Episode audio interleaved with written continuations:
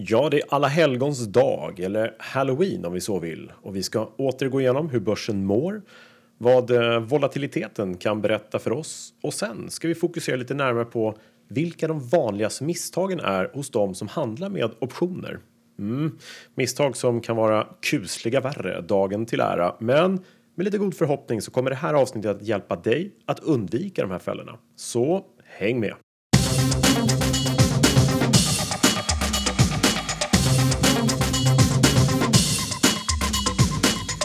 Ja, men välkommen till eh, Optionspodden, ett nytt avsnitt, nummer 24. Eh, podden som ger dig kunskaper som ingen privat eller professionell investerare på börsen borde vara utan. Det här är Kalle Björkgren och mitt emot mig har jag idag inte Thomas Bernholm. Nej, han firar höstlov, gör han helt rätt i. Så idag ska jag ta och föra den här skutan framåt helt själv och se hur det går. Men det ska nog eh, funka bra tror jag. Eh, vi kan bara konstatera att eh, börsen den eh, levererar som vanligt och omsätts i eh, maka takt precis som alltid. Rapportperioden fortsätter. Eh, den här turbulensen på börsen som vi såg den har avtagit lite grann får man lov att säga. Nedgången har bytts mot uppgång med klart positiv utveckling den här veckan och klart positiv avslutning eh, den här halvdagen på fredagen här. Och ja, höstlovsveckan slutar vi i klar dur på börsen. Så att den här eh, känslan av turbulensen vi hade, det är väl att det kanske ser ut som att det var en korrigering snarare än eh, något sorts krasch eller ras. Mm. Och det är ju så här långt. Vi vet ju inte, det är fortfarande turbulent. Det finns en eh, förhöjd risk i marknaden och så vidare. Vi har skrivit om det här på optionsbloggen i veckan och fått en mängd med bra feedback på det. Men det är ju så här, det är ju börsens värld vi lever i och eh, mycket kan fortfarande hända. Eh, vi får inte glömma den psykologiska effekten som är väldigt viktig att prata om. Vi eh, vaggas väldigt lätt in i trygghet när det har gått upp som den här veckan, några, några dagar. Då tänker vi att allting kan vara över. Och vi ska ju inte så att säga svartmåla någonting här eller ta ut några hemskheter i förskott. Men det är ju aldrig fel att vara förberedd på lite mer turbulens helt enkelt. Men vi gör som så att vi kollar läget på börsen så ja, får vi utröna hur det ser ut helt enkelt. Ja, men eh, läget på börsen som sagt har återhämtat sig lite grann här. Eh, risken har avtagit en del, helt klart. Någonting som alltid är bra att göra eh, det är att titta på en historisk graf i en aktie man är intresserad av eller på index till exempel. Se hur börsen faktiskt har gått historiskt. Tar vi upp en graf och tittar på det nu, då ser vi faktiskt att börsen på året under 2018 har faktiskt 1% plus. Mer eller mindre oförändrat med andra ord, bara en procent som, ja, som vi har tjänat på en portfölj som har legat helt stilla och är viktad mot index. Kan tyckas är eh, kanske lite i minsta laget om man nu förväntar sig att man ska få en, eh, ja, en aktieportfölj som ska generera bra avkastning. Eh, tittar vi ett helt år tillbaka från, alltså till november förra året, början på november, ja då är vi faktiskt minus 4% nästan. Så att det är alltså lägre än för ett år sedan. Ja, och det här är ju förstås om man har suttit med en portfölj och väntat helt enkelt och inte gjort så himla mycket. Och förhoppningsvis så har vi eh, kunnat, ja men åtminstone kanske inspirera till lite kunskaper där vi har hedgat oss eh, i portföljväg, gjort eh, kanske en annan strategi så vi kanske har fått in någon premie i alla fall under tiden har varit eh, kanske stillastående vissa aktier i alla fall eller ja, gjort någonting covered call motsvarande. Tittar vi vidare på den här historiska grafen så ser vi att på tre års tid, det är ju hyfsat lång tid då, men då har vi 13% plus ungefär ser jag här. Och ja, det kan ju vara bra nog i och för sig. Men på tre år så tror jag att de allra flesta gärna skulle vilja ha lite mer i avkastningsboken så att säga. Men det vi ytterst vill veta är vad som händer framöver. Mm. Det kan vi inte riktigt veta, men vi kan ju titta på de faktorer som kan komma att påverka oss i alla fall. Det vi kan se är ju att vi har eh, på agendan valet i USA kommer här kommande vecka. Vi har rapporter som fortfarande kommer att trilla in. Eh, många gillar att titta på USAs tioåriga ränta som nu har varit stabilt över den magiska gränsen 3% sedan mitten september ungefär. Eh, det som kan vara lite kul att nämna om den den här Halloween-veckan är att den har faktiskt tickat på uppåt i takt med börsen faktiskt.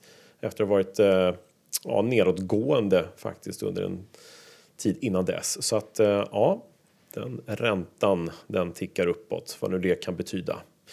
Eh, tittar vi på oljan som många gillar att liksom jämföra börsindex med som har någon sorts korrelation anser man. Eh, så ser vi att den faktiskt har, den var ju uppe på höga, vad var det, 84 dollar, lite knappt där uppe någonstans. Har faktiskt vänt ner och fallit tillbaka och hamnar nu eh, på ja, vad står det, 72,5 faktiskt just nu. Eh, lite nedgång i oljepriset där. Eh, kan vara bra att hålla ögat på, ett öga på eller två kanske till och med. Det vi också kan titta på är ju faktiskt oljevolatilitetsindex. Och den lilla grafen, den visar faktiskt på 15 månaders högsta här. Och visst, det har handlats en del oljefat här med sista tiden. Men det är lite anmärkningsvärda rörelser här kan man tycka också kanske bra att hålla koll på. Om vi då går in på vår ordinarie volatilitetsrapport så att säga och tittar lite grann på, vi kan börja med VIX index som vi gillar att titta på. VIX index som indikerar och visar den implicita volatiliteten för at the money optioner på S&P 500 borta i USA. Påverkar oss allihop ganska mycket världen över eftersom USA är ju liksom den marknad som de flesta tittar på. Det är väldigt mycket amerikanska aktörer även inne på europeiska marknader. Eh, det vi såg tidigare var ju att vi fick en ganska kraftig uppgång i det här indexet på VIX. Eh, vi låg ju där länge i trakterna kring mellan 12 och 14 och då anser vi då att 20 upp dit är ju faktiskt en ganska normal nivå när alla investerare faktiskt är villiga att ta risk i aktier. Det är liksom en bra nivå upp till 20 där. Men det som hände här sist, eh, ja men i början av oktober får vi säga, när det började bli lite oroligt på börserna, ja då stack ju det här indexet upp, risken ökade. Och vi var ju uppe på 25-26 nivån någonstans där. Men sen så började det avta lite grann neråt och det lugnade ner sig för att gå upp ännu högre igen här för ja, en vecka, tio dagar sedan. Men den här veckan som sagt så har det ja, stabiliserats med eh, ganska klara uppgångar och vi har en ja, ny nedgång får vi säga i risken faktiskt från 2 november här sista handelsdagen i veckan så ser vi att eh, vi har VIX-index som ligger ja, men strax över 18 faktiskt. Vi ska göra som så att vi ska titta här var den handlas live i detta nu. live för mig i alla fall. Och då ser vi här att den ligger just nu på ja, 18,80 faktiskt. Mm, traskar upp lite grann här, men inte så att det är anmärkningsvärt. Så att eh, summa summarum, risken på börsen i volatilitetstermer at the money, implicit volatilitet. Det har avtagit risken, men eh, fortfarande ska vi säga är ju risken på börsen. Ja, den är ju högre än vad den har varit sedan första kvartalet i år så att det ligger fortfarande på klart högre nivåer, vilket ju kan vara bra att ha med sig nu i fortsättningen av hösten. Tittar vi på våra aktier här emellan, OMX S30 aktier. Mm. Då har det självklart varit som så att alla aktier har ju faktiskt kommit ner lite grann i risk i takt med att marknaden blir positiv. Investerare blir mindre oroliga och det kostar helt enkelt mindre att köpa exempelvis säljoptioner för att skydda sina innehav på börsen. Eh, två stycken aktier sticker ut vad jag kan se här. Det är Tele2 som kom med en rapport som var sådär va, den 18 oktober. Aktien gick ner på det och har därefter faktiskt i risktermer värderat upp en del. Här har vi 32% volatilitet att jämföra med ja, strax under 29 eller däromkring. Ingen stor ökning, men ändå en ökning om man jämför då med de allra flesta övriga aktier som faktiskt har fallit i risktermer. Lägre implicit volatilitet. En aktie till eh, som har vandrat uppåt i risktermer jämfört med för två veckor sedan i alla fall är Skanska kan ju ha att göra med en hel del som händer i branschen. Eh, Skanska har inte lämnat sin rapport när jag säger det här. Den kommer den 8 november. Eh, vi får väl se vad som händer då, men Skanskas eh, implicita volatilitet är 32 procent, ungefär 31,5 eh, jämför då med ja, 26 procent. Så den har också stigit upp lite grann om det kan vara av intresse. Vi ska också nämna att historiskt har ju Skanska faktiskt eh, ännu högre volatilitet upp på 41 procent så att edgen är fortfarande negativ får vi lov att säga där. Eh, vi, vi, kan ju nämna Hennes och Maurits som vi tittade på förra avsnittet och avsnittet innan det som blivit någonting som vi har följt lite grann här. Då hade vi 34 procents volatilitet implicit här kommande investeringsperiod. Nu har det gått två veckor. Det har kommit upp lite grann på börsen som sagt och Hennes och Mauritz har 34 procents volatilitet. Ingen förändring faktiskt. Och då vet vi att Hennes Maurits i sig då är ju förstås en aktie som är lite specifik. Det är den mest eh, omsatta aktien vi har på börsen och eh, ja, det finns ju klara intressen i detta storbolag som finns i oändliga mängder portföljer, nära att säga. Om vi går vidare i vår lilla riskanalys och så gillar ju vi att titta på skew index, alltså skevhetsindex. Ehm, det har kommit väldigt många frågor om skew index och hur det ska tolkas, hur man kan räkna och hur man kan eh, ja, göra. Enklaste sättet, det finns förstås massvis med sätt man kan analysera det här, men det enklaste sättet är ju bara att se varför skew index finns. Och om VIX index då indikerar implicita volatiliteten för en at the money option så är skew index indikationen för skillnaden i volatilitetsvärdering fast på nedsidan om man säger så. Alltså några nivåer i lösenpris neråt från rådande aktiekurs. Om vi tänker oss en option så hämtar ju den sin information för att skapa sitt värde från den underliggande varan, ett index till exempel. Och eftersom alla optioner i samma papper självklart hämtar sin information från samma källa, då borde ju faktiskt all värdering vara likadan och alla priser borde utgå från samma volatilitet. Glöm inte att det är volatiliteten i det underliggande pappret som är det som är viktigt. Inte volatiliteten i själva optionspriset. Det är inte det vi tittar på, utan det är hur den underliggande aktien rör sig eller indexet. Så eh, med det sagt så är det ju konstigt att det blir en skevhet, men egentligen är det ju inte så konstigt eftersom vi människor, vi söker oss efter skydd på nedsidan. Många som handlar optioner tittar helt enkelt på lägre nivåer och köper helt enkelt skydd där för att ja, känna sig trygga och det blir ju faktiskt billigare att köpa nedsidesskydd än att köpa attemanneskydd. Det gör att omsättningen där blir större, efterfrågan blir större och vi får en skevhet. Nog om det. Om vi tittar på skew index så är den här skevheten vid normal nivå vid 120. Det är nämligen alltid en viss skevhet på indexoptioner framför allt. Eh, tittar vi på aktuell nivå på index skew index just nu så har vi alltså en nivå som för första gången sedan, ja, jag ska säga i påskas är under 120. Den är nu på 118 cirka. Och när jag säger innan påskas, då var det bara att den halkade ner dit innan den trendade upp ända fram till mitten september ungefär. Sen har skew index successivt trendat neråt. Och vad betyder det här för oss då? För att vi liksom ska prata ur skägget lite grann. Jo, det här innebär helt enkelt att vi är inte beredda att betala upp ännu mer premium, ha ännu högre volatilitet på nedsidan för kommande investeringsperiod, vilket gör att SKEW index faktiskt faller just nu och trendar neråt. Hade det varit som så att eh, kollektivet som sådant på börsen hade varit väldigt oroliga och tänkt att nu kommer det här stora raset. Vi kommer ha en investeringsperiod i november, december eller någonting, november kanske som kommer vara jätte, jätte, jättestökig och vi är oroliga för det ja, då hade ju omsättningen och efterfrågan på nedsidesskydd ökat markant. Och i förhållande till då at the money så hade nedsidan fortsatt blivit dyrare och skew index hade om inte annat legat kvar på en stabil nivå där uppe vid 140 nivån där det varit historiskt och sen maj ungefär. Men nej, vi har halkat ner, trendat ner till mer normala nivåer. Så just nu där vi befinner oss precis i nuläget, där är det en normal skevhet vilket indikerar att här och nu Idag så känner vi oss lugna på börsen. Från volatilitetsnivåer och risker på börsen till dagens huvudtema. Åtta vanliga misstag hos optionshandlare. Och det här är ju lite som baseras på frågor som kommit in till podden. Eh, åtta vanliga misstag. Eh, det finns förstås fler.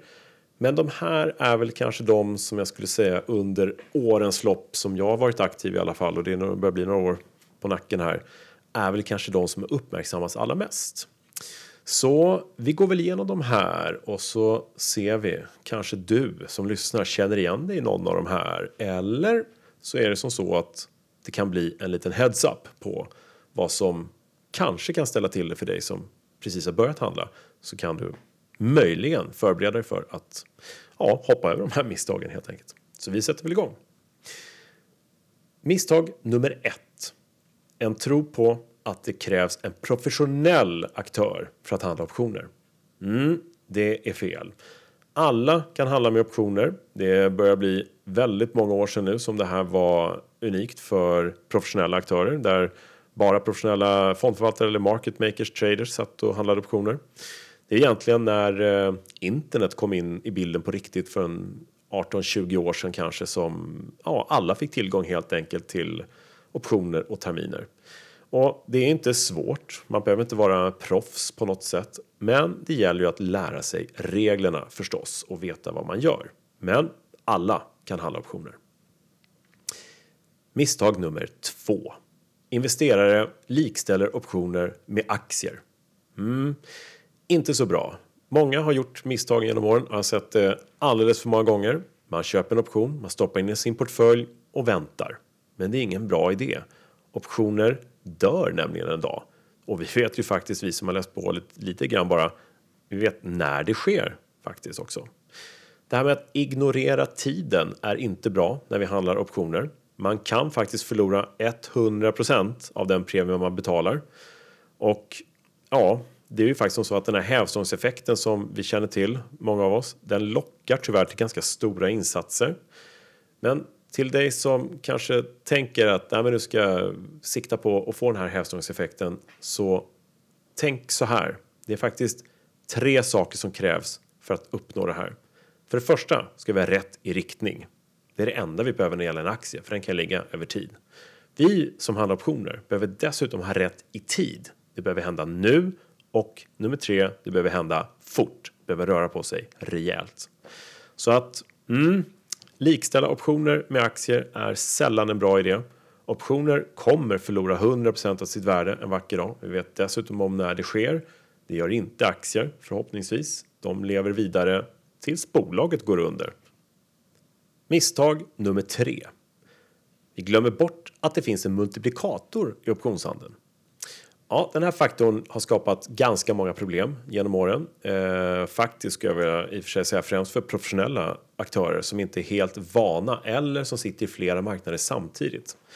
Vi glömmer inte bort att vi får inte glömma bort att en option är lika med 100 aktier i underliggande. Eh, det här är standardiserade optioner vi pratar om så det gäller samtliga av dessa optioner. Och det betyder ju rent krast att eh, kostar en option 5 kronor på börsskärmen, ja då är det faktiskt inte 5 kronor som står där utan det är 5 gånger 100, det vill säga 500 kronor det här, den här optionen faktiskt kostar. Vilket är rätt bra att ta med i sin beräkning. Misstag nummer 4. Investerare som ignorerar tiden. Ja, optioner är ju levande instrument. Det innebär att vi som handlar optioner måste vara lite mer aktiva. Dessutom så är det som så att även helgdagar, alltså röda dagar, söndagar, julafton, halloween, alla röda dagar påverkar optionskontrakt. Varje dag som går blir optioner värda lite mindre. Vi blir av med vårt TETA som vi har gått igenom. Eh, och det är många som inte tänkt på det här. Kanske går och köper en option på torsdagen och sen så är det långhelg framför oss och sen så är optionen värd mindre. Kanske på tisdagen när allting kommer igång igen. Och då har man kanske missat då att det är några dagar senare optionen faktiskt har tappat i värde. Så den här lösendagen den tredje fredagen också kan glömmas bort. Man ignorerar tiden på det sättet. Och det vi är ute efter här är ju faktiskt att agera inom löptiden är det vi vill göra och ta med den här tiden i beräkningarna.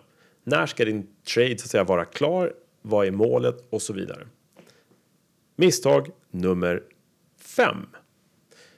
Vi missar att ta med volatiliteten i våra beräkningar. Mm.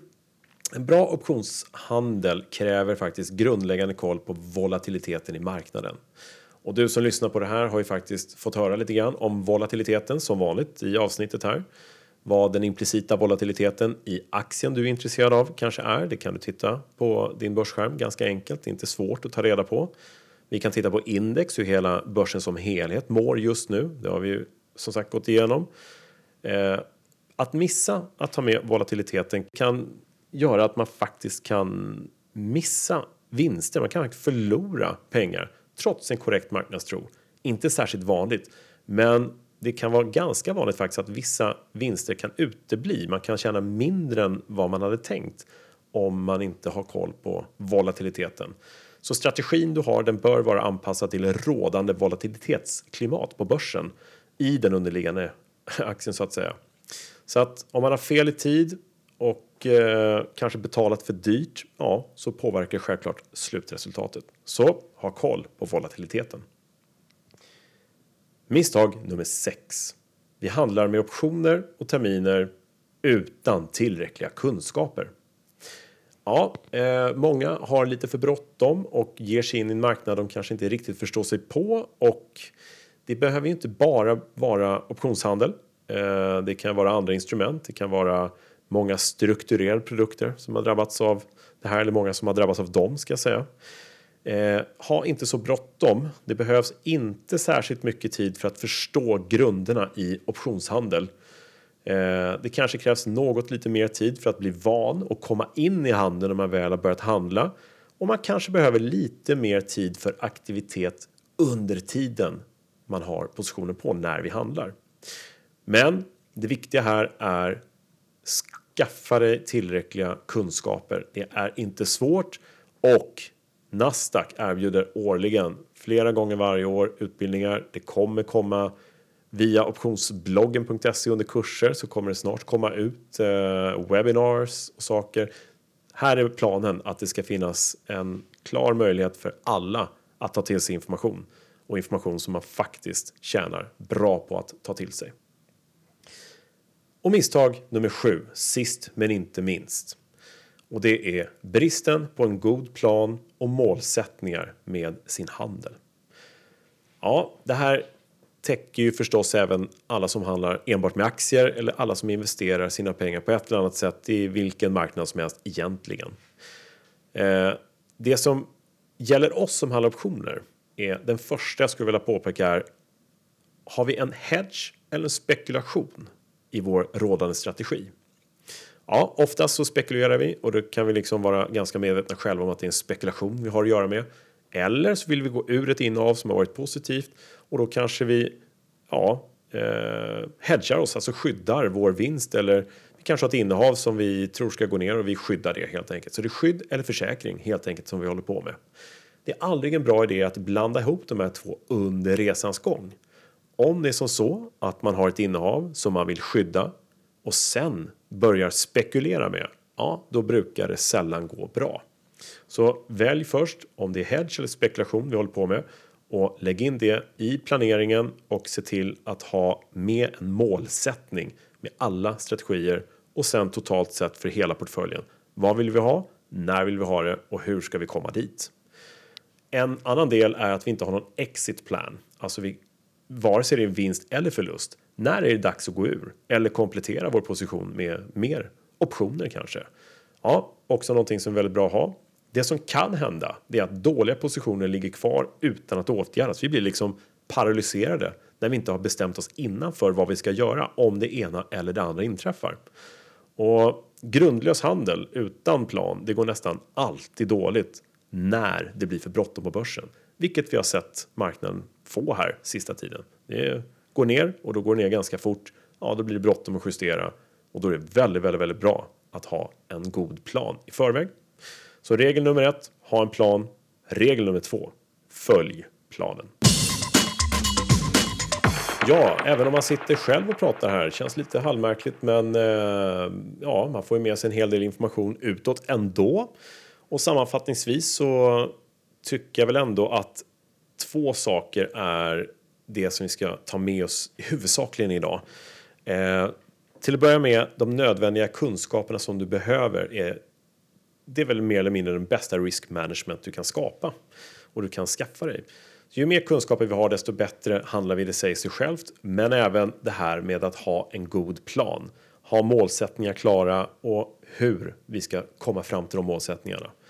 Alla de som har goda portföljer, alla de som man har bevittnat eh, genom åren som lyckas väldigt bra med sin handel har alla samtliga haft en väldigt bra planering, en god plan och målsättning.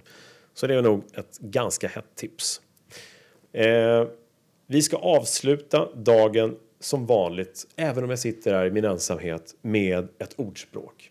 Och det har tagit ett ordspråk som jag faktiskt tror vi haft förut, men som faktiskt kan nämnas igen. Det är på engelska. Det var Benjamin Franklin, Franklin himself som sa det här och han sa följande. An investment in knowledge pays the best interest. Mm. Väldigt, väldigt snusförnuftigt och helt rätt förstås. Liksom att investera i kunskap, ja, det kommer ge dig en avkastning både mentalt och faktiskt i, eh, skulle jag säga, i din portfölj. Så att eh, mm, se till att Läs på så mycket som möjligt om börsen, om marknaden, skaffa de bästa kunskaperna som man kan få av allting. Och det innebär ju förstås den egna analysen, den fundamentala, kanske den tekniska, kanske den om volatilitet vi pratar om här. Och se till att få så många parametrar som möjligt med i bilden. Och sen kunskaper om vad man kan göra, till exempel med optionsstrategier, optionskontrakt för att komplettera sin aktieportfölj och så vidare för att sen komma vidare och skapa den avkastning och nå de målen man vill ha. Vi ska avsluta faktiskt eh, och då ska jag bara be att få påminna om optionspodden.se.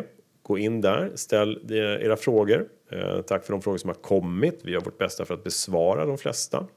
Eh, gärna, ge gärna feedback till podden. Vill ni läsa mer, gå in på optionsbloggen.se. Ni får gärna skicka, har kommit några sådana, vad ni vill höra om, vad ni vill att det ska skrivas om, vilka strategier som, ja, som bör tas upp och sådär. Eh, så ni kan gå in där. Jag finns på Twitter, att se Björkegren. Jag finns på Facebook, där står jag under Enspiri Academy. Eh, ja, under dessa kanaler så försöker jag hålla mig så aktiv jag kan här under övriga uppdrag och resans gång. Men till alla kära lyssnare, lycka till med handeln. Vi hörs snart igen. Tack för den här gången. Hej hej!